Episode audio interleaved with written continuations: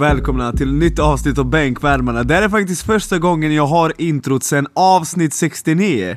Jag minns att ni lät mig ha introt avsnitt 69, men efter det ville ni inte att jag skulle göra det igen för det gick åt helvete. Men, man brukar säga så här: när katten är borta dansar råttorna på bordet. Och jag, mina damer och herrar, är en stolt råtta. Sköldström som är katten, han är borta och nu ska jag fan trash honom, jag ska roasta honom. Uh, vi, vi, ge mig bara lite tid. Uh, Henrik Sköldström är sån boomer att han spelade en mot en mot Sokrates. Henrik Sköldström är så objektiv och LeBron mot uh, Jordan uh, diskussionen att han har varje natt på sig exakt samma kalsonger från North Carolina som Michael Jordan hade på sig. Uh, Henrik Sköldström är så... Nej jag skojar. Uh, vänta, vänta, var de här skämten ens bra? Nej det var ju inte det, ni skrattar ju inte, fan! Men hur som helst, uh, Sköldström vi saknar dig, kom tillbaka. Uh, han är utomlands och njuter av livet. Uh, och vi saknar även Addis som förhoppningsvis kommer att hoppa in snart. Och därmed uh, lämnar jag över ordet till Henrik Johansson som ska delegera uh, ordet. Jag klarar inte av den uppgiften. Tack Nick. Vi får säga då. Vi får säga då välkomna till avsnitt 172. Kan vi säga så länge. Och vi går väl då laget runt och frågar hur är det med dig Lojsan?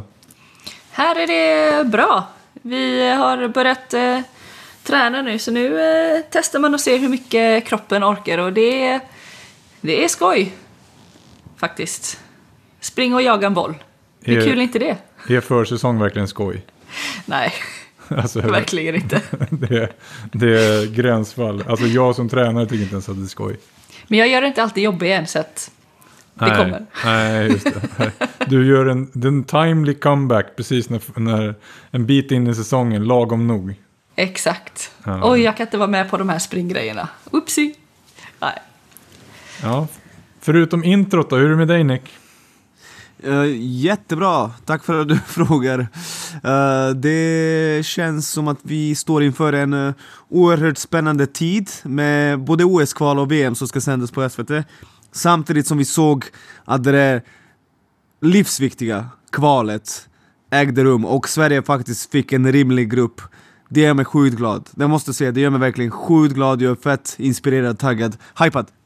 Nej, det låter bra. Ja, själv har jag spenderat större delen av dagen att förbereda min son Alex som fyllde sju idag. Så Stort grattis Alex! Hipp hipp hurra! Ja, det var fint. Han önskade sig en, basket, en svart basketboll med, med gröna ränder. Då fick han självklart en basketboll med svart med gröna ränder. Jag kommer ge honom allt han vill när han vill ha någonting i basketväg. Det är bara, det är bara, jag har bara sagt, Helt jag kommer rätt. muta Helt dem rätt. bara rakt in i basketen. Så att de känner bara så jag. här. Det är helt uppenbart. Ja, vi saknar ju Sköldström. Sköldström, precis nu när vi andra börjar jobba så, så tar ju han semester. Så han har ju fått viss dispens att inte vara här. Addis hoppas vi att han hoppar in och kraschar som han brukar göra. Men om vi då går vidare då Nick. Vi pratade ju om det här med lotteriet till EM-kvalet. Ska du ta lite om det? Absolut. Alltså just den här dagen och den här, den här lottningen jag har väntat på i, jag ljuger inte, eller ni vet ju det för jag pratat om det så länge. Säkert ett, ett och ett halvt år. För man visste redan under VM-kvalet, det blir svårt att ta sig till VM. OS-kvalet, strunt samma egentligen. Det är svårt att ta sig till OS. Det är flera kvalgrupper man måste ta sig igenom. Men däremot något som är realistiskt och rimligt mål för Sveriges herrar är faktiskt att ta sig till EM. Och idag var jag helt övertygad att Sverige precis som vanligt kommer få en sjukt svår omöjlig grupp. Det hände inte. Däremot var vi nära att hamna i den här gruppen där både Polen och Estland, alltså Nordmakedonien fick dem istället.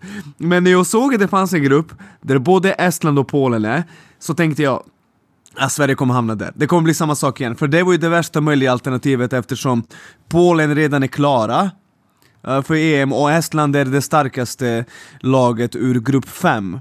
Ehm, eller var det grupp 6? Just det, lottninggrupp gruppen 6. För eh, jag försöker förklara för folk, för folk att Estland är nice när alla är med. Det, är ingen, land- det finns en anledning till att de har tagit sig till EM nu på sistone och, och vinner kvalmatcher. När de har fullt upp med sina Euroleague-spelare så är de riktigt nice. Och nu i det här EM-kvalet kommer alla Euroleague-spelare kunna vara eh, tillgängliga. Fiba och Euroleague har kommit fram till en eh, överenskommelse. Jag säger så här. inga ursäkter. Bulgarien är alltså utan Sasha Vesenkov, NBA-spelaren. Han, var, han har varit Euroleague-spelare, han har gjort kvalmatcher för Bulgarien eh, nu senast. Men han kommer inte kunna vara med eftersom han har bytt till NBA och fått ett garanterat kontrakt på 20 plus miljoner dollar. Vilket innebär att det där är ju ett gäng kedjerökare plus uh, en amerikan. De brukar ha en amerikan med sig. Uh, Cody McIntyre, David Kravish, uh, D-Bost, alltså de roterar på dem. Jag tar tillbaka det där med kedjerökare, jag skojar givetvis, men jag försöker förklara att deras trupp är inte namnkunnig, deras spelare spelar inte i de bästa ligorna. Undantaget Vesenkov och även en, den amerikanen de får med sig. Och de roterar på typ tusen uh, amerikaner eftersom Fiba har gjort uh, internationell basket till ett skämt. Men hur som helst, jag känner så här. Vinner Sverige två matcher mot Bulgarien, då måste Bulgarien vinna tre matcher av de resterande fyra för att hamna före Sverige i tabellen, vilket aldrig någonsin kommer hända. Vägen till EM är öppen. Klarar vi av att vara bättre än Bulgarien, vilket jag verkligen tror att Sverige visade i VM att man är klart bättre, då kommer vi ta oss dit. Svensk basket kommer rida den här vågen eh, och den här tillväxten som finns just nu. Och alla vi kommer leva lyckliga tills vi dör, känner jag. Alltså på riktigt, det är så viktigt att ta sig till EM 2025. Jag tror att förutsättningarna nu är optimala. Givetvis ska man försöka vinna mot Montenegro hemma, Tyskland hemma. Varför inte sno någon bortamatch också? Whatever. Men tre och fyra landslag går till EM. Vi måste ta oss dit. Punkt slut. Är det så då att tre av fyra går vidare till VM eller ytterligare grupp? Nu är ju inte jag Sköldström. Nej, Sköldström nej, nej, hade nej. kunnat rabbla det här som rinnande Yes. vatten. Nej. Nej, nu är det bara tre och fyra. Finns inga extra kvalgrupper, finns inget extra förkval. Nada. Bli topp tre så får du EM-biljett. Ja. Det låter ju det låter som att det faktiskt finns en ganska klar chans. Men det låter ju också som att, alltså nu har ju vi kämpat med det här hela sommaren med dig Nick. Alltså du slits ju någonstans mellan hopp och förtvivlan när det gäller svensk basket. Ena dagen så är det en fantastisk vinst, andra dagen så sliter du håret, ibland så är det under samma match som du gör. Det känns som att du är lite, att heja på Sverige ungefär som att vara en Clippers-fan, typ. Uh, så här är det. Uh, när det gäller Sveriges uh, seniorlandslag, herrar, inga tvivel. Jag såg det under VM i basket, eh, äh, VM-kvalet, förlåt. Vi kan besegra Israel, förlåt, Sverige kan besegra Israel på bortaplan med Denny Avdia, Yamadar, Tamir Vlat, massa Euroleague-spelare. Sverige är bra nog. Jag såg Sverige vara ett skott från att besegra OS-fyran Slovenien. Jag, jag vet vad det här laget kan, med den coachstaben, med truppen när de bästa spelarna är med. I alla fall, det är en stor del av de bästa. Inga tvivel.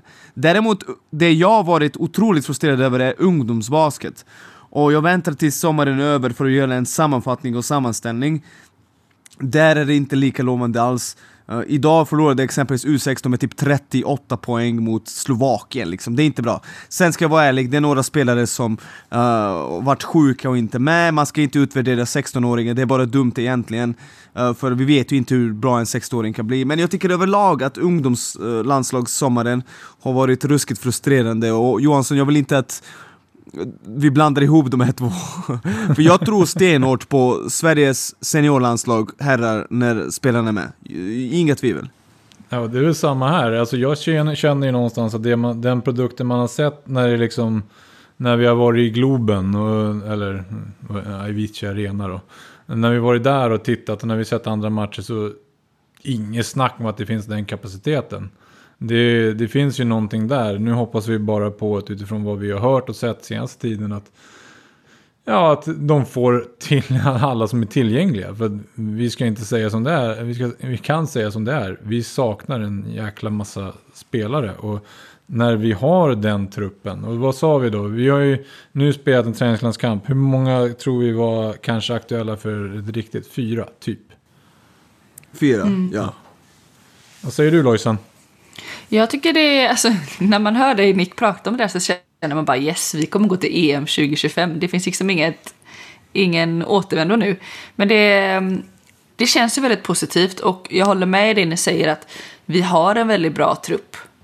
Och jag tycker även de som har gjort de här träningsmatcherna har, har gjort det väldigt bra. Men när alla våra bästa är med så har vi faktiskt visat att vi kan spela mot topplag. Och ha den här möjligheten i en fyrlagsgrupp där tre går vidare. Det ska inte finnas något annat än att vi faktiskt tar en EM-plats. Det... Eh, inte att det kanske hade varit en besvikelse, fast ändå. Jag tycker nog det. Jag tror verkligen på det här gänget, så eh, EM ska vi till.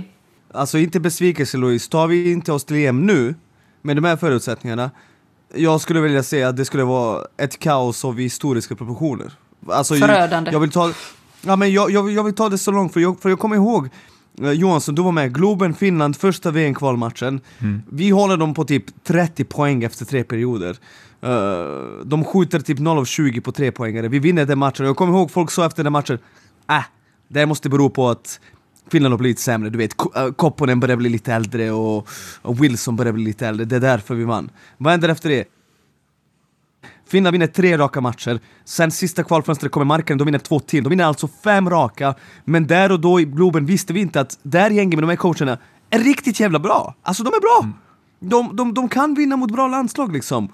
Så att gå in i det här kvalet och ha Bulgarien i sin trupp och sen inte ta sig till EM, jag skulle tolka det där och definiera det som ett sanslöst fiasko. Det skulle jag göra i alla fall.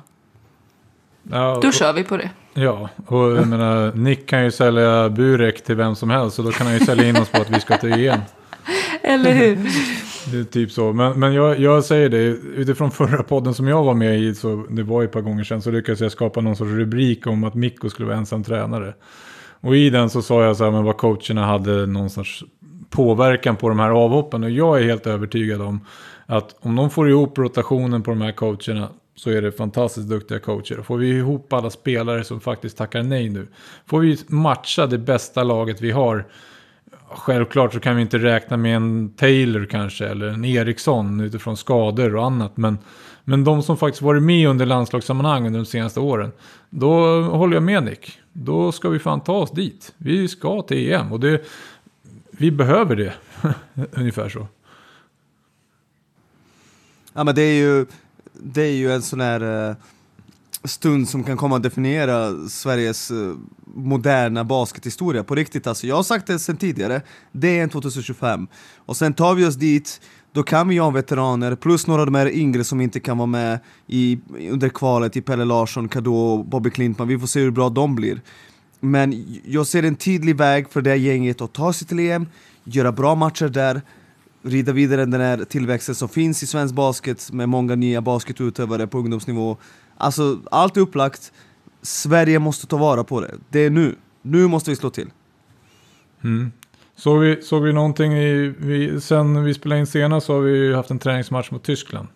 Såg vi någonting i senaste som var någonting att lägga, äh, lägga märke till? Ja, absolut. Alltså, Louise, såg du matchen? Ja, jag såg... Eh, inte första halvlek, jag såg mer andra halvlek. Så du såg Alltså- en halvlek för 79 spänn? Ja, men det var, no- eh, det var redan betalt så jag vet inte, Ja, ja, jag okej. fick det gratis. Du känner Nej folk men alltså... det- Nej men jag, jag tyckte det var jättebra, jättebra match. Sen är det så att med en minut kvar av tredje, vi leder med åtta, och så vinner Tyskland med 20. Alltså även fast de, har, de hade snuskigt bra lag, så tycker jag att man måste hålla bättre kontroll på den ledningen och så vidare. Men jag, jag var otroligt imponerad. Alltså det är det jag ser, de här coacherna är fan bra! Alltså de är riktigt... Du vet, jag tänkte på det, Johansson Louise, hur många plattmatcher har vi gjort med de här coacherna? Kan ni komma på någon platt match där vi bara drar därifrån och säger fy fan vad dåligt? Jag kan inte komma på en enda alltså. Nej. Utan, utan vi är alltid där och tävlar om att vinna.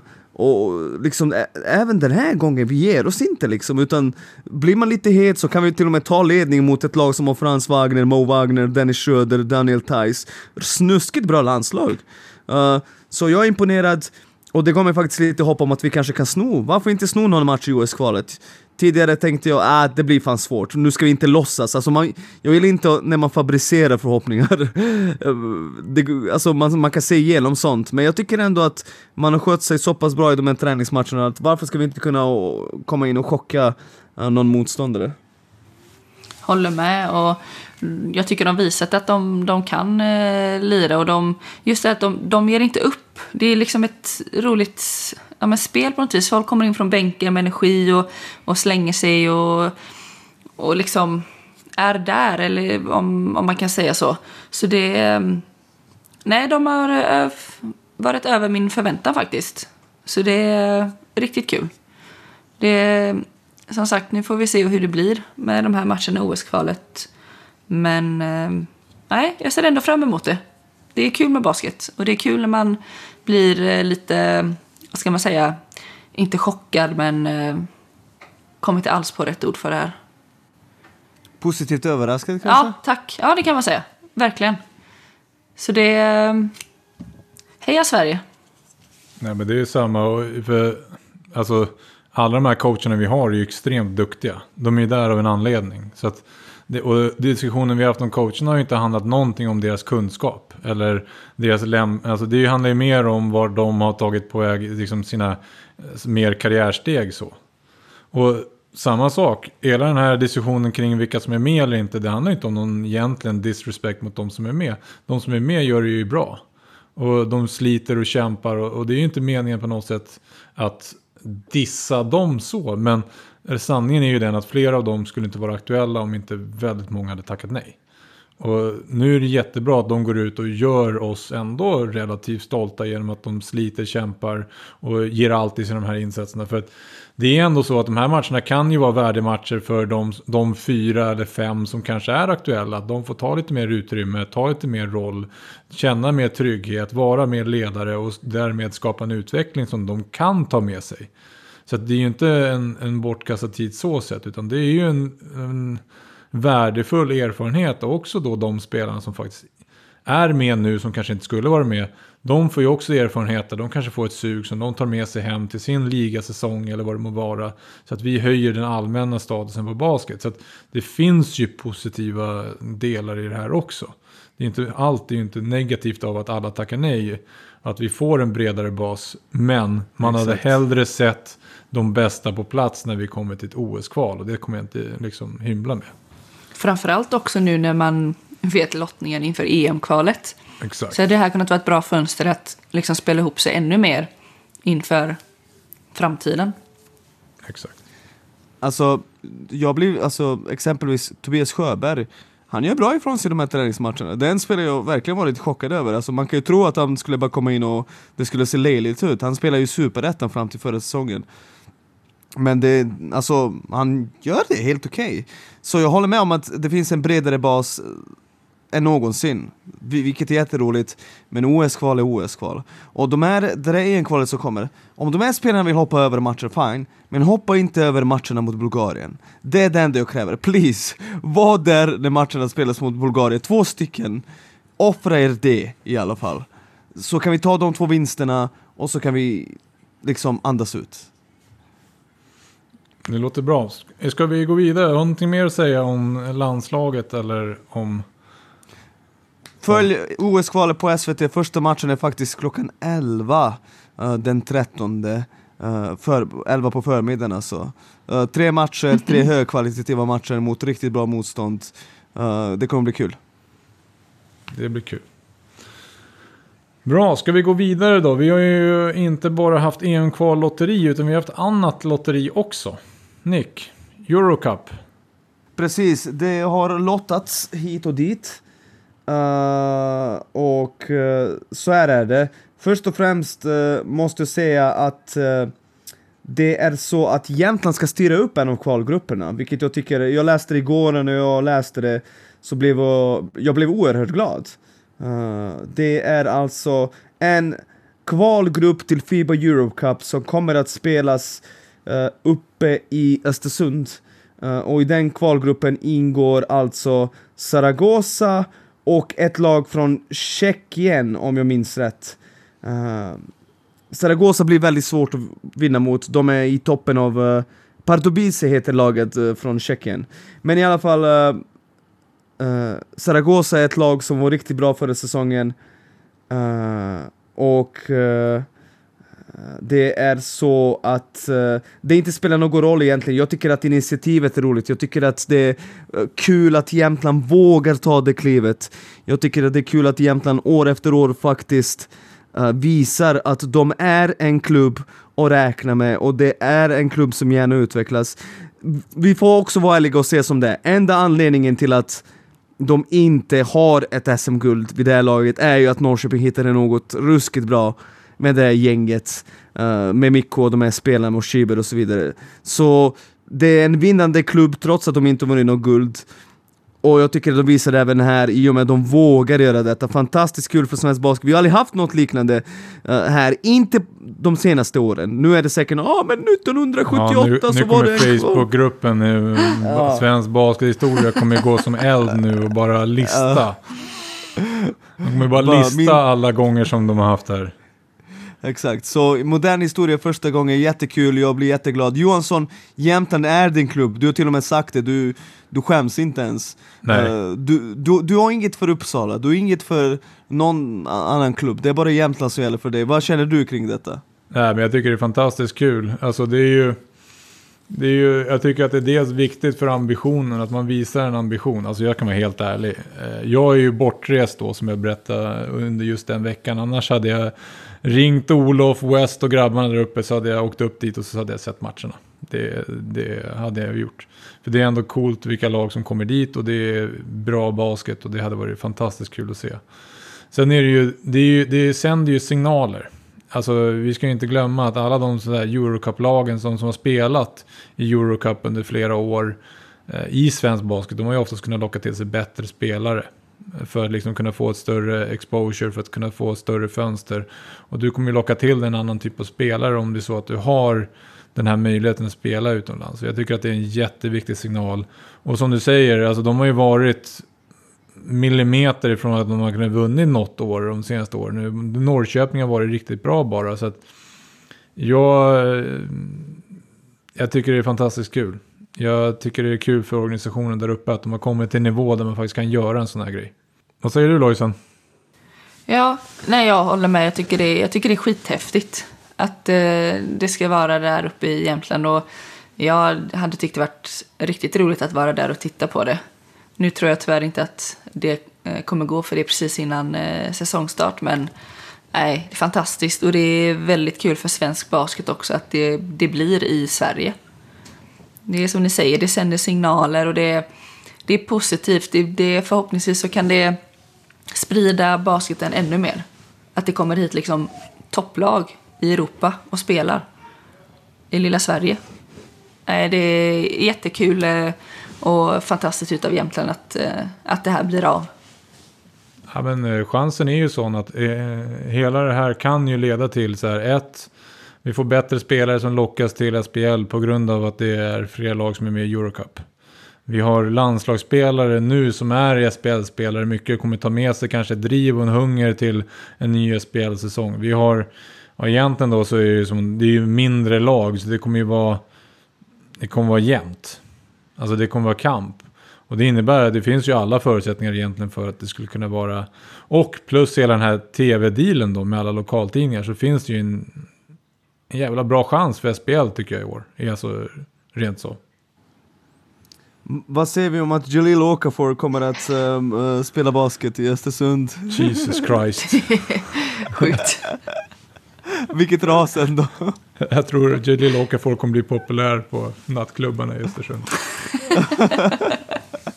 om jag pratar utifrån historien. Harris på Östersund, i Östersund. Ungefär så. Vi får hoppas att vi kan ge dem den van, alltså att, att, eh, som det var back in the days när lag underskattade för de var mer intresserade av att festa kanske i Jämtland eller i Östersund ja. än vad de var att spela basket, att de kanske underskattar. Sen, sen ska vi inte garva åt någon, alltså han försöker ju återuppliva sin karriär, ja. att spela spanska högsta ligan är ingenting att skämmas för, tvärtom, det är väldigt få spelare som kan nå dit. Uh, så, ja, men ändå lite mindblowing för jag kommer ihåg hur hypad han var liksom efter college. Folk sa att han är liksom Ja, men han är en spelare som kommer snitta 20 pinnar per match. Men det var ju just den vågen uh, när man började plocka bort centren som spelar med ryggen mot korgen. Uh, ja, jag hade älskat att se honom när det var gamla tiden. Så här. Gå in ja, ja, i hallen och se. Men jag tänker man ska gått in i hallen och bara sett den jävla tegelväggen och bara what the fuck? det var fantastiskt. Ja, ja. men uh, ja, Borås ska också få spela uh, kvalmatcher.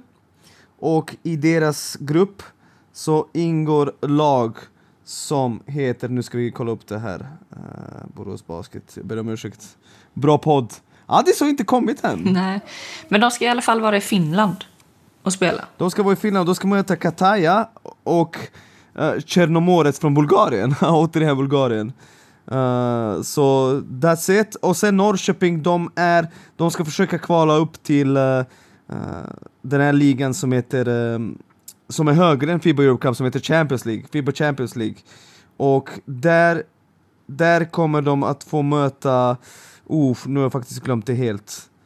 De ska i alla fall till Turkiet och Antalya och möta Uh, nu kommer jag ihåg vilka lag, men två riktigt bra lag faktiskt. Så även, även om de förlorar där så är de klara för minst Fiba Europe Cup. Damn. Ja. ja det är kul. Det är kul att så många lag ändå är ute och spelar Verkligen. på här sidan. Så det, det, det är ju som sagt, det, det borde ju någonstans ge en sorts överföring på den svenska ligan tänker jag. Och det hoppas jag på. Så att det kan bli fler mm. än nio lag och kanske kommer upp någon av de här 16 lagen. Från Superettan. Ja, har vi någonting mer om det här? Nej, jag tycker att vi gör, vi gör det sammanfattade ganska bra.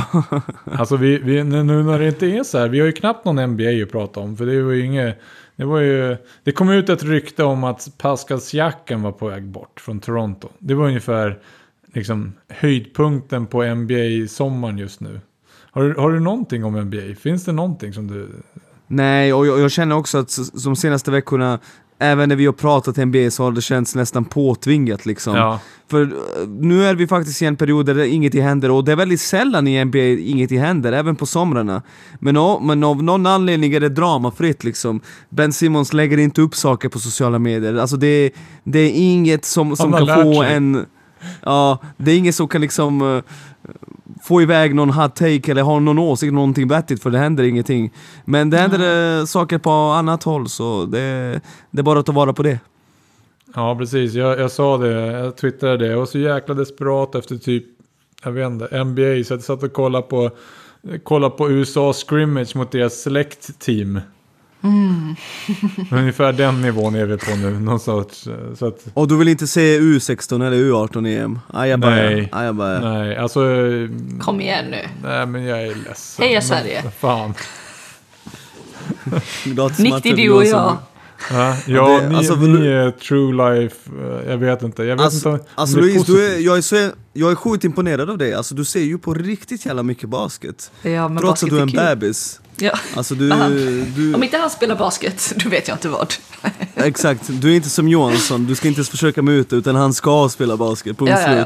Det är därför jag tittar nu. Han måste komma in i det. Nej, nej men jag ja, men tycker så, det är jag... jättekul att kolla på basket. Alltså det, jag, jag vet inte varför, men basket bara i allmänhet är kul. Sen ungdomsbasket är väl kanske inte det roligaste så sett, men jag tycker bara det är så kul. Alla borde titta på mer basket. Kolla på ja, EM och ungdomsbasket. Jag kan ångra lite grann att jag missade dam, alltså damerna nu som var. Alltså för att jag, det var under en hektisk jobbperiod när jag bara kände så här, fan jag vill, jag vill sova. Typ så. Men jag ser fram emot basket-VM nu som kommer. Och jag kommer nog se OS-kvalet. Men ungdomsbasket, jag vet fan. Alltså. Där går din gräns. Ah, men vad fan. Vi måste alltså... stötta våra nästa stjärnor här. Jo, men jag kan tweeta och retweeta det Nick säger typ. Stötta Nick i sin kamp. Liksom mot, mot det här. Ja, jag vet inte. Jag vet inte om det är friskt, mm. men vi kan gå vidare. Alltså vi kommer ju ha ett väldigt kort avsnitt nu om inte Addis kommer. Han, Addis idag bara i vår grupp så sa han så här. Jag har ett jättebra segment om överskattade spelare. Jag kommer. Han så, kommer, vi litar på honom. Ja, vi litar, vi litar på, honom. på honom. Så har vi inte hittat på någonting mer. Så ska vi gå till hot takes då? Ja, det kan vi eh, göra. Och då har vi... Eh, ja, det är inte supermycket nu. Eh, kring NBA. Men de, eh, våra lyssnare är faktiskt bra på att eh, få in NBA här ändå. Och då har vi eh, Tim, Tim Marklund. Nu blev det inte NBA bara för det. Men det här är till dig Nick. Han säger att bara att du swishar mina 3000 nu när BC fått in sin forward. Jag vet inte, jag såg faktiskt att han skrev det Och jag bara vadå, har, har BC Luleå signat någon ny forward? Och så gick jag och kollade, men det har de inte gjort Så vadå, menar han Oliver Gerke? Tror han att Oliver Gerke är skillnaden mellan att vinna guld och uh, ja, Men signade de inte en jänk för någon vecka sedan? Jag tycker också det ja, känns bekant, men... För någon vecka sedan, ja. Men då skulle han skrivit den tweeten då. Jo, men Sen alla Oliver sitter Gerke, inte med, med, med Twitterflödet rakt in i armen som du. Vissa kanske tar jag, några dagar för att få en uppdatering. Sen, sen, ska jag vara ärlig, jag gillar signingen av Oliver Gerke och Tobias Sjöberg och Gustav Hansson. Jag tycker att Luleå, vi har pratat om detta innan men jag kan säga det igen, jag tycker ändå att de gör positiva saker just nu. Men det kommer inte bli några 3000 som ska utbetalas min kompis, jag är ledsen alltså det, det är helt jävla omöjligt. Påminn oss, vad var bettet? Jag tror det var så att om Luleå vinner så swishar jag 3000 kronor. Om ja. de vinner guld. Ja, då ska mycket fel ha gått hos många lag alltså. Alltså fatta det. Fatta ja. det. det är så. Alltså då, ja, yes. Ja, jag kan säga så här, om BC Luleå vinner, då lovar jag att se nästa U16-EM varenda match. Louise, vad, vad lovar du Louise? vad lovar du Louise? Om BC vinner. Um... Louise lovar att hoppa över nästa U16-EM. Just ja. Jag, jag lever livet nästa sommar och kollar ingen ungdomsbasket. Um, vi går vidare där uh, Louis Vuitton säger att Sabrinas rekord på trepoängskontest kommer aldrig att slås. Och har man missat det så var det ju Sabrina Ionescu nu på All-Star som satte alla förutom två. Ja, det, och det var väl typ två, två nej hon missade en i början och sen missade hon ja. precis innan slut. Alltså, det var ja. det sjukaste jag sett alltså. Ja, Holy shit alltså, fattar ni? Fokus! Det är det, alltså jag, jag hade inte orkat hålla mitt fokus uppe så länge, att Nej. sätta skott. Nej, det är omänskligt. Så... Alltså det finns säkert folk som kan göra det så här hemma i trädgården typ. Ja, men alltså, mm. Eller något sånt där, mm. någonting sånt. Jag menar, det, det är ju också en grej när du gör det i spotlights, liksom på tid, med press. Alltså det, det är ju det är en helt annan grej. Det är därför många av de här makalösa NBA-skyttarna faktiskt missar rätt mycket på de här. Så att eh, jag är fan beredd att hålla med. Ja, alltså. faktiskt. Det hon gjorde, det, det är imponerande. Jag tror inte någon kommer slå det, nej. Det blir svårt alltså. Då måste du bara ha en perfekt jävla runda och det...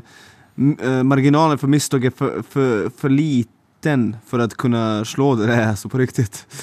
Men fan, jag kommer ihåg, jag kollade upp det här. Hon, hon var ju inte så här en fantastisk skytt tidigare. Utan jag såg så här, men, men i år sköt hon typ 45 procent från tre. Alltså, mm. det var ju inte som att eh, tidigare år sköt hon ju sub 40. Men det här måste ja, ju ha varit något makalöst. Ja, hon har alltid varit en bra skytt liksom. Även på college minns jag. Men uh, ja, att skjuta 45% procent är ju fan galet alltså. Det är galet. Ja, det ska bli spännande att se om det är några som slår det. Men jag håller nog med att det är det är nog rätt omöjligt faktiskt. Men vi får se. Vi går vidare med eh, Armel Demir som säger att New York Knicks tradar bort Barrett, Fournier och Randall i utbyte mot Carl Anthony Towns och Knicks kommer nå Conference Finals kommande säsong. Vad är erbjudandet? Säg det igen Louise. Eh, Nix ger bort Barrett, Fournier och Randall mot Carl Anthony Towns. Och då går Nix till Conference Finals. Så de ger bort två starters mot Carl Anthony Towns och förväntar sig att de ska gå, Exakt. gå längre. Ja, lite så. Och du, du får inte heller glömma att ska Carl Anthony Towns spela för Tibbs liksom. Tibbs vill bara ha försvar, Towns spelar inte försvar. Så vi måste skjuta ner den, precis, ja, tyvärr. Tyvärr. Alltså jag är inte riktigt på den nivån än att har jag sett någonting av Town som gör att jag tror att han kan liksom ta ett lag ett steg längre. Nej. Och det är inte vilket steg som helst utan förbi Giannis och Milwaukee och Celtics liksom. Alltså det. Han och Brunson. Han och Brunson och typ uh, Robinson.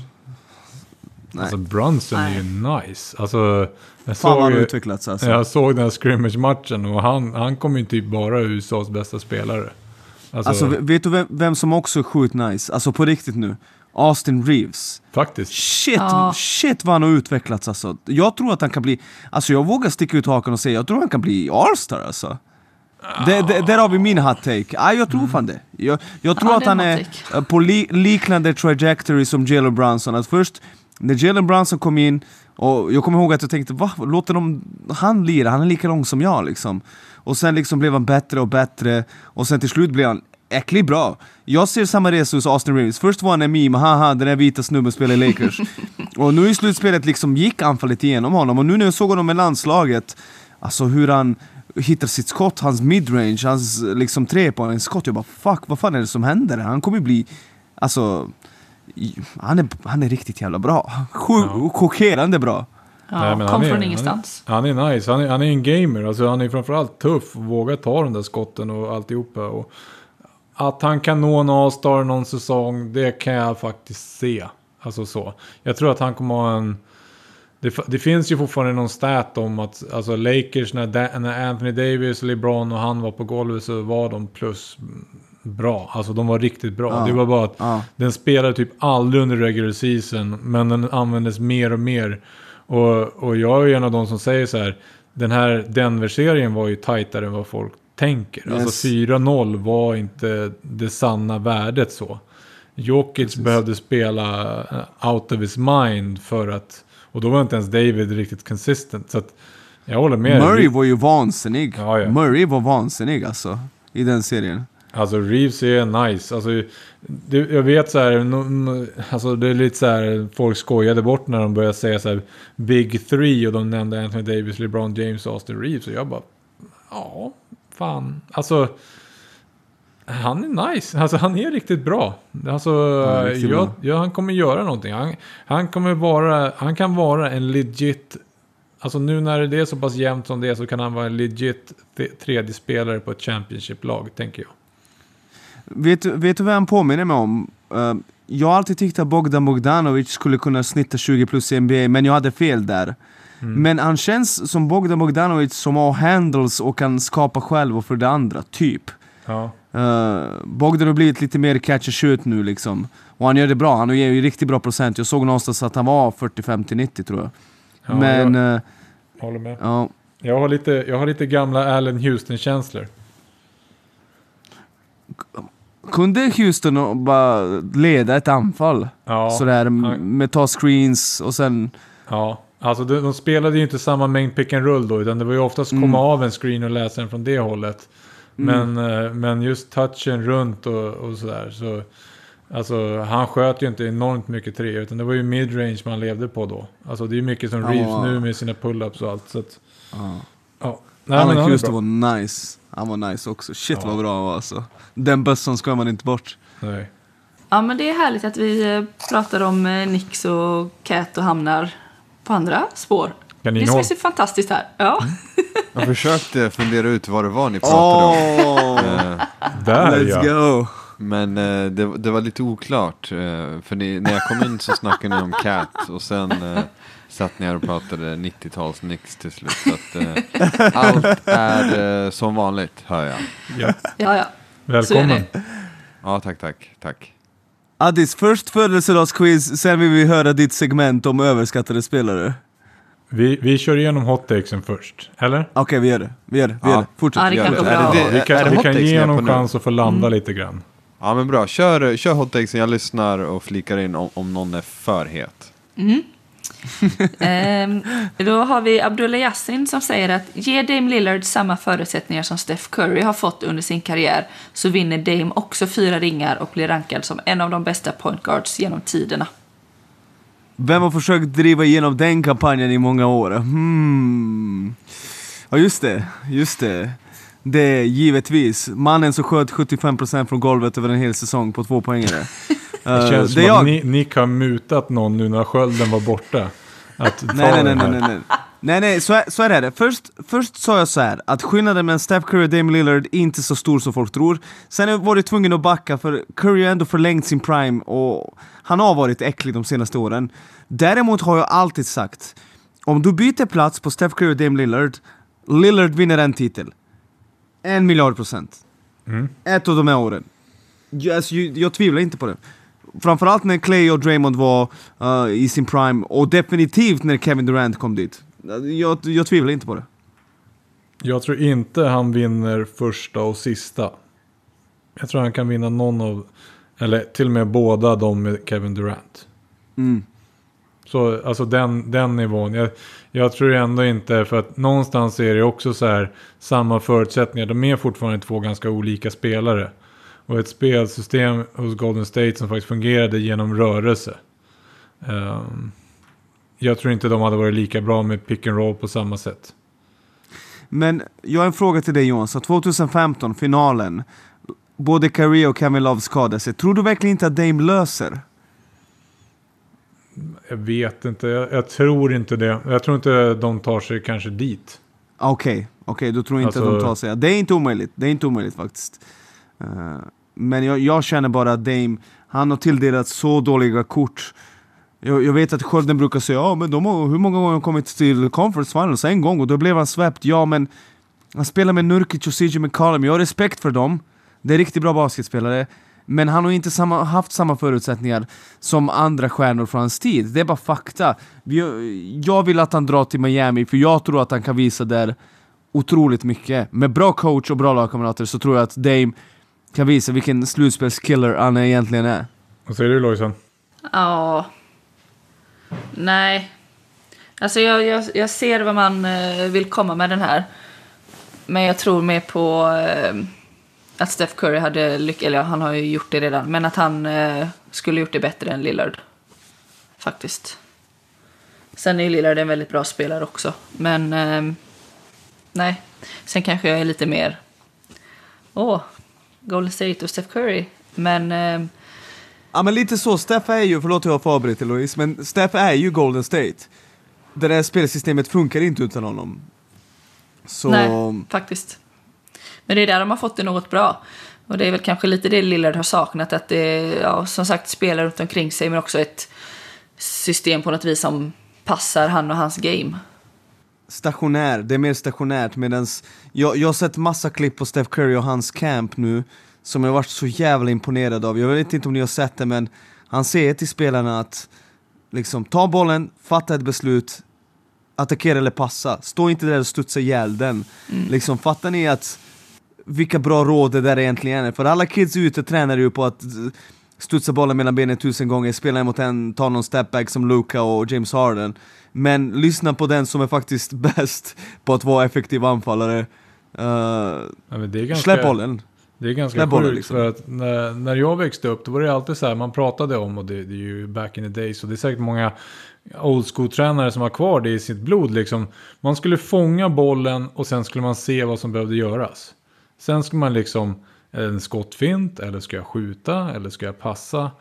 Och nu så jobbar man ju extremt mycket med i NBA och det, det ser man så här. De ska ta beslut innan bollen kommer i händerna. Alltså du ska bestämma dig innan bollen kommer till händerna. Att okej, ska jag driva, då möter jag bollen i luften och påbörjar driven Precis. redan. Och det är en helt teknik. Jag vet att Spurs jobbar extremt mycket med den här. Okej, ska du driva, då fångar du. Och jag jobbade den med norrort förra året. Men det är så många som är inskolade i det här. Du fångar bollen och sen ska du titta på vad du gör för beslut. Och då går det för, då går det för långsamt. Det går för långsamt. Du måste veta redan vad du ska göra. Ska jag slå den där extra passningen? Ska jag ta det här skottet? Det vet du redan innan egentligen bollen har kommit till dig. Och det, det är typ sådana här saker som Steff är enorm på. Alltså helt enorm på. Och det märks ju en del av det här Golden State-spel också. Verkligen. Snabbt ska det gå. Och eh, vi har Lars Niklasson som säger Kings till final. Fox och Sabonis är eh, ett år mer erfarna plus att Europas kung, Vesenkov, kommer ge så mycket utrymme för de andra att operera samt att han själv kommer slakta utan att behöva bollen. Jaha. Ja, vi nämnde ju Vesenkov i början av avsnittet så det var lite roligt. Men eh, han är nice och han, han, hade någon stretch i Euroleague där han gjorde 300 poäng på typ sådär 50 studs. Alltså han studsar inte bollen, han är bara på rätt ställe och gör poäng. Men nej, Golden State Warriors kommer inte spela final nästa år. Däremot kan jag se dem ta nästa kliv. Menar men, du Kings eller? Kings, vad var det jag sa? Golden State. Golden State, Men ja, de Golden kommer State inte kommer inte göra det heller. Du har en låsning. Ja, men Golden State kommer inte göra det heller. Men Kings, de, det är för många demoner som måste besegras. Det är lite Jämtland eh, på det hela typ. Eh, det är många demoner, många skelett i garderoben. Det, det kommer inte vara så lätt att ta sig till final. Utan uh, de måste först hitta ett sätt att vinna slutspelsspel, vilket de inte gjort sedan 2004? 2004 tror jag. Ja. Så, så ja. Jag har ju svårt med det här. Jag tycker det finns vissa spelare som faktiskt har, som alltså är lite så här grundseriespelare. Alltså jag tycker att Sabonis är en sån. Hans game passar bättre i grundserien. Han kan inte riktigt skapa sitt eget skott. Lite så tycker jag om typ Randall och lite så är det om vissa andra som inte riktigt så här. De mår bra i det här när det går lite tempo, det finns lite mer spacing, det är inte samma typ av fokus defensivt som det är i en serie. Så att jag tror inte att Sabonis är bra nog att vara näst bästa i ett lag som går till final. Nej. Nej, det blir lite svårt. Sen har vi en eh, här eh, som har valt att vara anonym, men som säger, man kan säga att det är två hot takes i en här. Men att Udoka är topp tre tränare i NBA och Boston hade vunnit NBA förra säsongen med honom som tränare. Vi behöver se mer om Udoka för att fastställa det. Däremot Ja. tycker jag att eh, hela den grejen som hände i Boston, att han liksom ja, stängdes av och att man inte riktigt fick hela bilden av allt som har hänt. Det är lite suspekt. Jag, jag vet inte riktigt vad som hände där egentligen liksom. Eh, men eh, ja, vi får, vi får vänta och se. Jag tycker att han han var ju ganska hård mot spelarna och det funkade till slut för de faktiskt startade säsongen uselt där när han uh, tog över. Sen kom de till finals, men uh, vi får se. Vi får se helt enkelt. Ja, man har nog fått se lite för lite. Eh, vi avslutar med eh, en från offentlig kaktus som säger att Nick Rajacic är som väntat bänkens John Starks med bättre passningsförmåga. Likt John så kan Nick hetta upp snabbare än fasters mikrovågsugn med takes och födelsedagsgissningar. Stark satt även kantreor från Nicks hörna. Slutligen trycker båda ner Jordan men på olika sätt. Uh, alltså den var jätterolig, jag läste den innan. den var svinrolig och eh, jag köper den. Ja, jag kan vara poddvärldens John Starks. Eh, sen är det så att John Starks, vad var det Johansson han sköt i Game 7 mot Houston? I, han missade typ sådär, det var något sådär insane. 3 av 17 tror jag är. Men mm, vad heter det, kommer ni ihåg när, vad hette den här spanska coachen i Sverige skulle tacka Johan Stark? Ja just det, uh, Just det. eh, Lopez. Hugo Lopez. Ja. Hugo Lopez så skriver han eh, tack till eh, John Starks.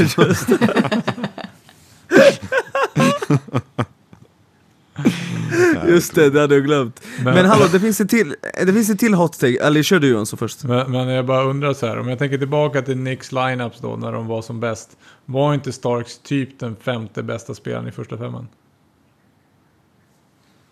Vad är de mer för dudes? De hade Ewing, Charlie Ward? Ewing Var Charlie Wards starting PG? Nej, det var efter det. Det var kanske. efter det. Men de hade Ewing, Oakley, Mason och vem startade som PG? Kan det ha varit... Fan, hade de Harper eller Mark Jackson? Just det, Mark Jackson är det för fan. Mark Jackson är det. Så är inte det fem... Så det han säger egentligen att du är femte bäst här. Jag kan leva med det. Jag, kan, alltså, jag är det egentligen. Jag är det egentligen. Så länge, så länge jag inte är Charlie Ward eller Howard Isley så, så, är det, så är det bra. Det var en ribba som var låg. Ja, den är riktigt låg faktiskt. Ja. Men, men vi har en till hot take och den kommer från Olof Arvidsson och jag tyckte den var jättebra. Han, sa, han skrev så här. "Uh, är inte longevity överskattat när vi avgör vem som är GOAT? Och det var faktiskt något jag tänkt på de senaste dagarna. För att jag såg, det finns en eh, komiker som heter Arian Pierce, om ni vet vem det är. Han är ganska bra på att härma folk. Hur som helst, då frågade honom vem är GOAT? MJ eller LeBron? Han bara MJ. Och så sa den som intervjuade honom, men LeBron kommer typ slå alla rekord. Och då sa han så här. Ja, han kommer slå alla rekord för att han har spelat så många år. Det, det, det är inte viktigt. Alltså, det, det sämsta argumentet i basketens historia är det där att LeBron är fyra Eh, sex i finalen, att han har sex förluster och att det hade varit bättre att förlora i första rundan istället för att förlora i finalen. Det är liksom, när, när du drar fram det argumentet så kan du lika väl ha med dig en skylt där det står 'jag är dum' liksom. Uh, för nej, det är mycket bättre att ta sig till finalen än att förlora direkt. Eh, men, men jag tycker nästan det där om att, ja men LeBron, men det är ju för att han har spelat i så många år. Det är därför, det, det ska inte spela någon roll. Alltså man blir bara, men vänta. Så någon ska straffas i Go-debatten för att man har gjort något historiskt bra i många år. Alltså man blir bara, fucking hell! Nej, det är alltså, ja, jag har alltid sagt, motargument som riktas mot LeBron James är ofta så jävla dåliga. Att det får folk som jag bara bli så... Man, man börjar hata på Jordan bara för att folk är sådär... Bara kommer med skumma argument, vadå? Det ska inte spela någon roll att man har varit dominant länge. Ju färre år desto bättre. Man bara va? Nej! Nej! Time out! Tänk logiskt! Dåligt argument, det var bara det jag ville säga. Alltså det här är ju det här är en, någonstans den eviga diskussionen som alltid kommer ha om det är någon som någonsin kommer byta sida så, så kan ni mejla oss i bänken. För det är ju någonstans, alltså, någonstans så är det ju så här. De som har LeBron som GOAT idag. Jag kan lova att 99% av dem hade honom som GOAT för fem år sedan. Och då var Men inte Johansson, longevity jag- jag- samma. jag- Jag har inte LeBron som go, det är det som är intressant. Jag Ja. måste tyvärr jag tycker, jag vet att Addis tycker LeBron är GOAT, men jag tycker så som det ser ut just idag, att MJ har haft, han är det bästa någonsin.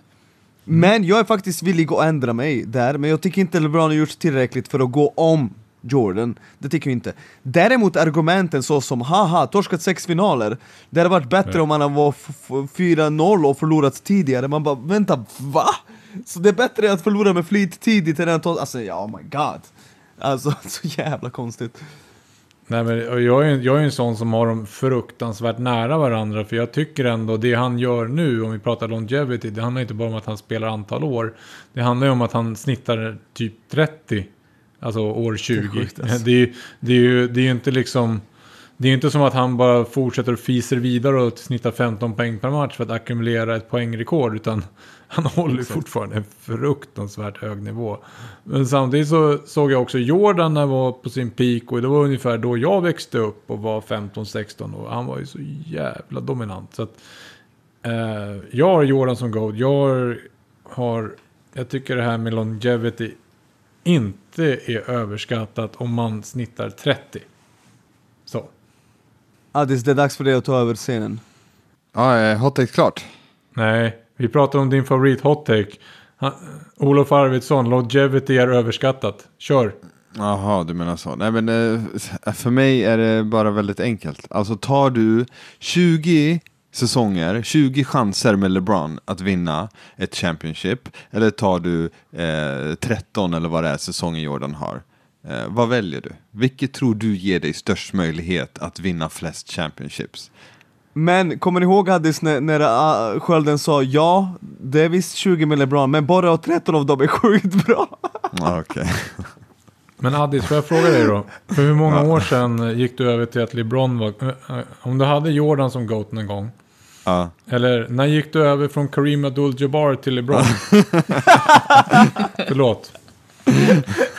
Hur många år sedan gick du över till att LeBron var... Vi vet ju att du någonstans hittade Kai för två år sedan. Ja, alltså, ja precis. Men hur det är många år sedan var det du gick över Alltså, till det att är ju LeBron troll för alla förutom skölden. Det är, alla vet ju att det är Jo, troll. jag vet. Alla vet ju det. Det är bara Skölde som inte fattat det. Ja. eh, nej, alltså för mig gick LeBron om eh, någonstans runt eh, 16, 17, 18. Alltså i Cleveland. Slutet på Cleveland. Så sju år sedan, när han hade 13 år och Jordan hade 13 år. Mm.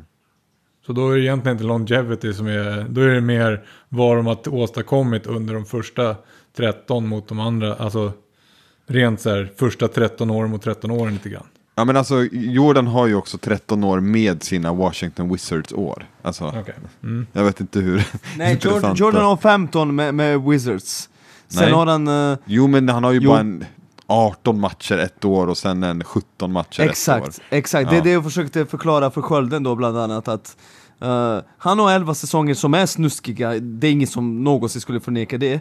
Men Ja. precis som du sa Addis, för mig handlar det om att vilket spe, vilken spelare är bäst på att ta sig till final och vara överlägsen bästa spelaren på planen. Du kommer inte vinna alla titlar för det är lagsport.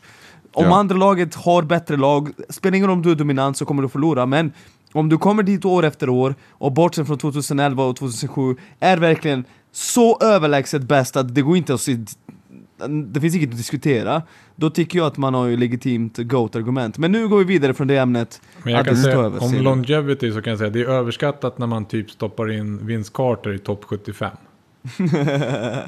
Då är Som longevity. den där Haslem, att du skulle nämna något med... Ja, nej, så jävla illa. Kevin Willis. Kevin Willis. Nästa vecka så ska jag köra, jag sa ju det att jag hade ju förberett något om Haslem och så vägrade han liksom eh, åka ut. Eh, nu har, de ju, nu har han ju faktiskt sagt att jag har eh, slutat helt enkelt. Han har ju faktiskt slutat på riktigt. Ja. Eh, men, eh, och det, jag får dra det nästa vecka, men jag vill bara påminna alla om att Haslem är typ fyra år äldre än LeBron James. Det är ju, fattar du hur gammal LeBron är? Alltså, för Haslem, hur många år har inte Haslem bara harvat runt? Alltså, det, Han har ja. gjort typ under eh, 300 poäng sedan 2016, alltså något sådär helt insane. Ja, det är typ sju år sedan. Ja. Ah, ja. eh, hur eh, som helst, ska vi, ska vi köra ett eh, födelsedagsquiz bara innan jag Gärna. eh, kör Gör. något annat? Kör. Okej, eh, vi fortsätter med WNBA-spåret. Och, eh, Nej, där är jag svag. ja, men ja, vi har inte bara det, jag har två stycken. Eh, Okej, nice, men perfekt. vi har ett, eh, ett tungt namn här. Det är någon som fyller 27 år idag, eh, grattis. Och hon blev draftad 2018 i första rundan som första pick och är även AJ Wilson. Ja okej, fan vad snabbt du tog det. Alltså det var ju bara så. Alltså, okej jag, jag har fan otroligt jävla bara. nice. Alltså, Ja, jag, Nej, men jag jag tänkte inte så här- slutföra.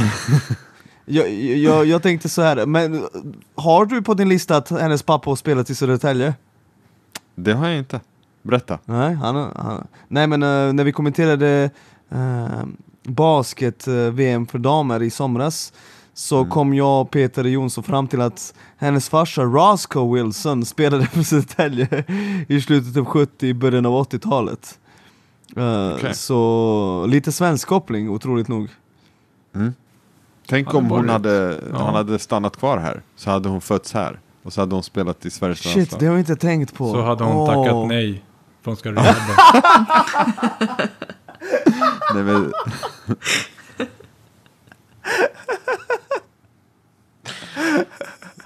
så hade hon, eh, så hade hon eh, tränat på Instagram istället. På Instagram.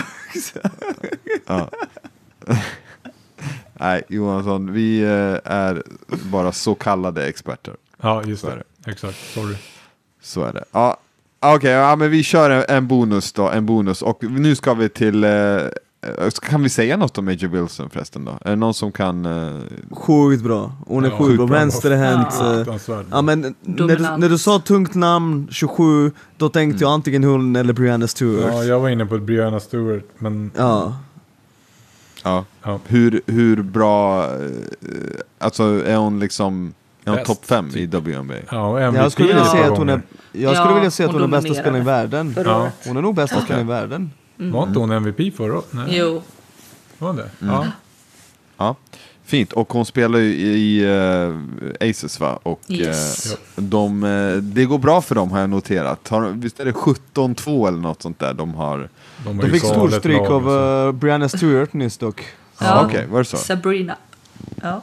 Ja, det, jag såg det där. Just det, just det. Ja, okej, okej.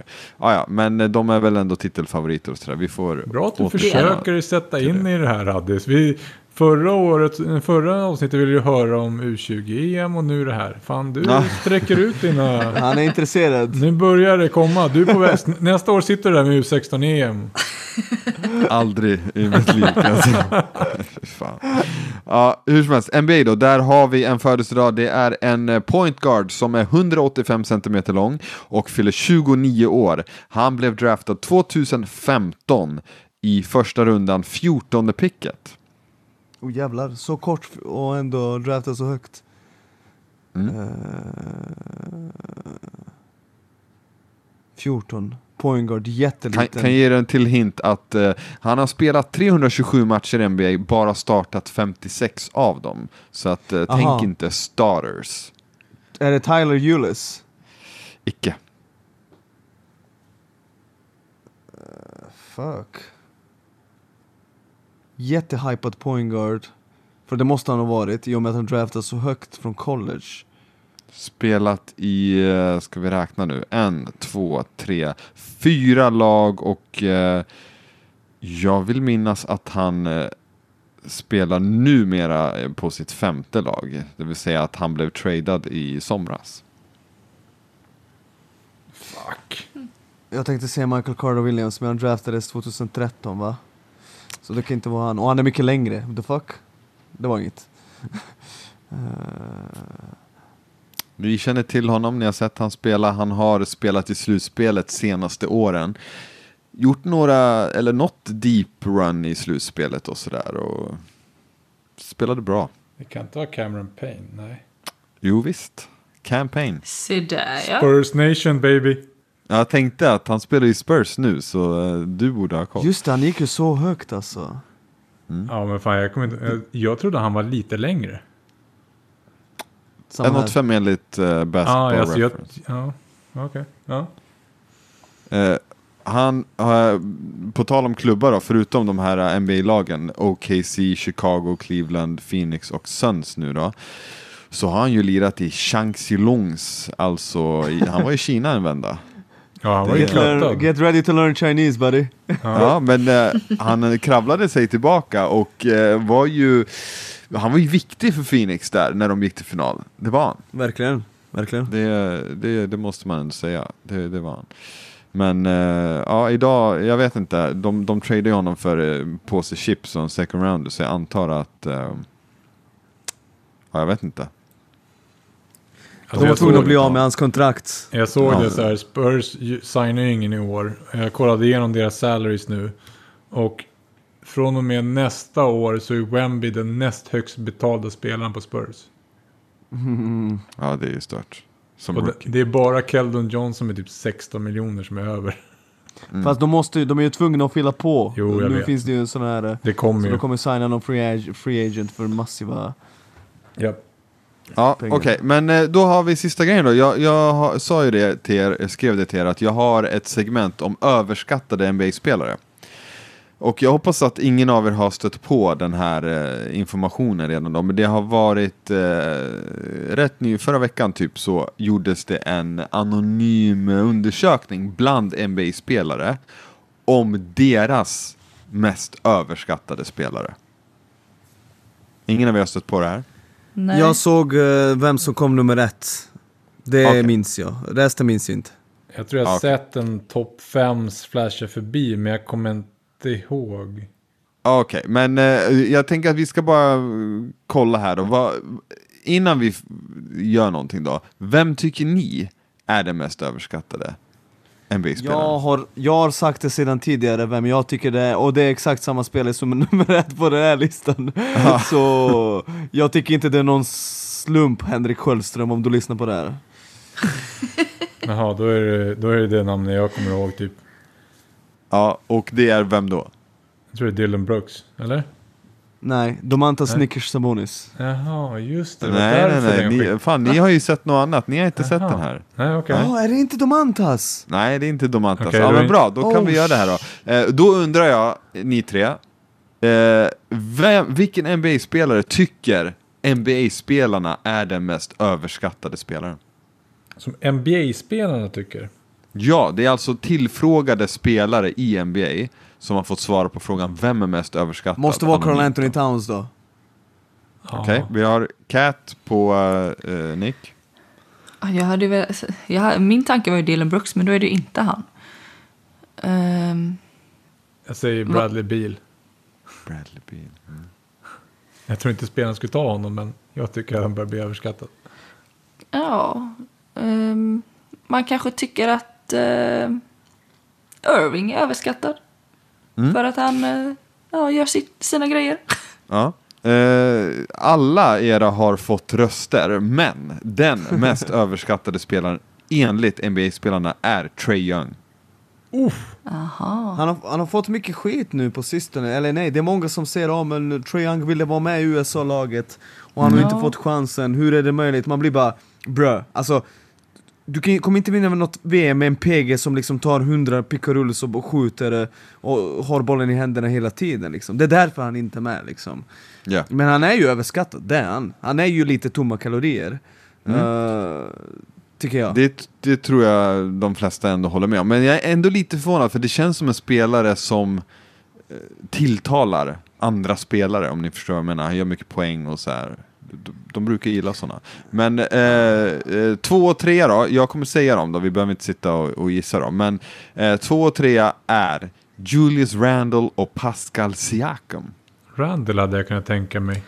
Siakam, jag, jag, Ja. jag har sagt att hela Toronto är överskattat, och där inkluderar det Pascal Siakam, jag tycker han är överskattad ja. Fast, eh, ja, nej. Jag jag gillar inte honom. Det. Ja, jag gör Randle också fattar det. jag. Ja, Ja, men inte Siakam. Siakam gör ingen omkring sig bättre. nej. Ingen. Alltså, ni Nej. blandar ihop att han vann med Kawhi Leonard med hans riktiga värde. Eh, jag, han har inte ett game där han får andra att bli bättre alls. Alls alltså. Okej, eh, vi, vi ska eh, gå vidare ner på listan. Jag har en topp 10 alltså. Och eh, jag är förvånad att ingen av er har bollat upp och undrat var är Rudy? För det är nu Rudy kommer. Den är, det känns väl som NBA-spelare, de gillar ju inte honom. Så. Alltså just nu Eh, så känns det inte som att Rudy är speciellt bra. Och ingen liksom... Nej, det kanske alltså, är så. det, det, han, han var nog överskattad lite grann förut. Så. Men nu, Mm. nu känns det som att... Alla fattar liksom. Ja, Mm. precis. Okej.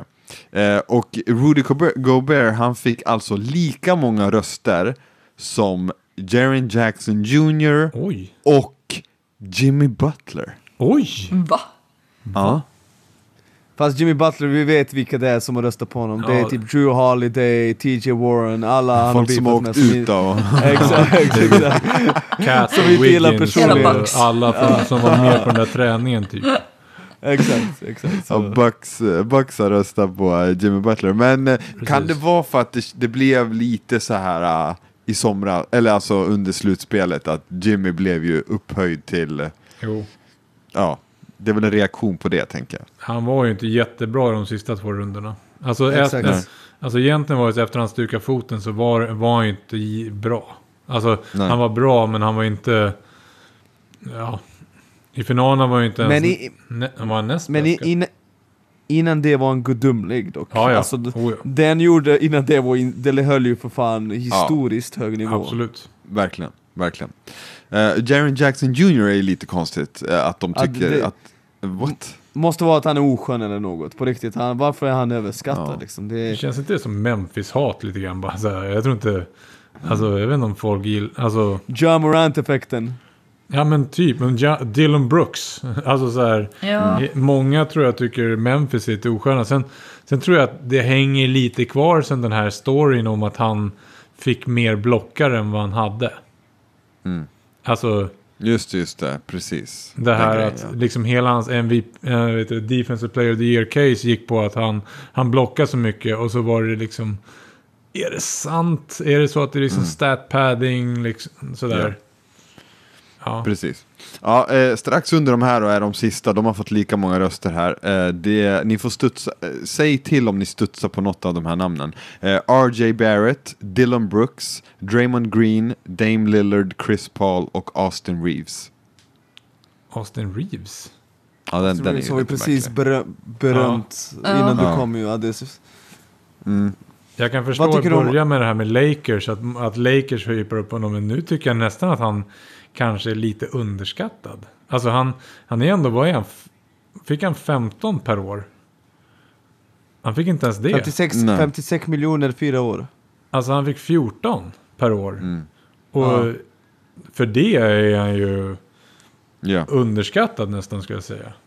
Och eh, det förvånar mig lite, alltså man tänker snabbt så här Dylan Brooks, men samtidigt, alla drev ju med Dylan Brooks till slut. Ja. Alltså vem, vem, vem skattade honom överhuvudtaget? Exakt. Det var ju, Exakt. det var ju så här. Men eh, Chris Paul fattar man ju, det det är många tycker ju det. Och Ja. Draymond Green förstår jag också, typ att många, ja. Men, eh, ja, Men det här känns ju som en lista. Vilka gillar du inte? Ja, kanske. Exakt så. Alltså lite så här, Exakt. vilka stör du dig på? Typ. Eh, Alltså det är verkligen så. Alltså, Jag, jag måste berätta sen, de som har fått en röst då, eh, det är följande spelare. Det är DeAndre Ayton, Bradley Beal, Pat Bev, Devin Booker, DeMar DeRozan och så kommer den roligaste, The Grizzlies. ja, jag sa ju det. Men jag gillar, jag gillar att någon röstar på Pat. Exakt. Då, vet- då vet man att det bara är personligt. Precis. Ja, för det är ingen som bryr sig om Pat Bev och då överskattat. Och Vem de har ganska skrattar låg åsikt om honom och han tycker att han är överskattad. Ja, exakt. Det är bara Hubbe som eh, gillar Pat Bev. Eh, och sen eh, är det eh, Halliburton, Harris, Hayes, Levine, Donovan Mitchell, Trey Murphy III, Duncan Robinson, Kyrie, Tristan Thompson, Vucevic, Grant Williams och Zion Williamson. Ja, det där är definitivt en, ja, vem ogillar jag? Ja, alltså. Då kan jag lika väl, väl kunna fråga det, ja, vem stör du dig på personlighetsmässigt? Typ? Men Halliburton, vad har han gjort? Ingen. Ja, den är oklar. Ja. ingen Ja, hur som helst. eh, NBA-spelarna tycker att Trey Young är den mest överskattade spelaren i NBA. Okej. Spännande. Ja, men Mm. eh, då så. Har vi någonting mer som vi ska ta idag eller ska vi runda av? Tror det är dags att avrunda, för Addis ville ha- hålla det under en timme, så vi är väl precis där någonstans va? Nej, vi har redan gått förbi den gränsen. Vi var nästan förbi den gränsen när vi började med överskattade. Men vi kan avrunda här. Så vi kan säga tack för att ni har lyssnat på Bänkvärmarna avsnitt 172. Och vet ni vad? Sjöström är inte tillbaka nästa vecka heller. Så att ni får klara oss med oss då också. Tack så mycket. Hej! Hej då! Ciao!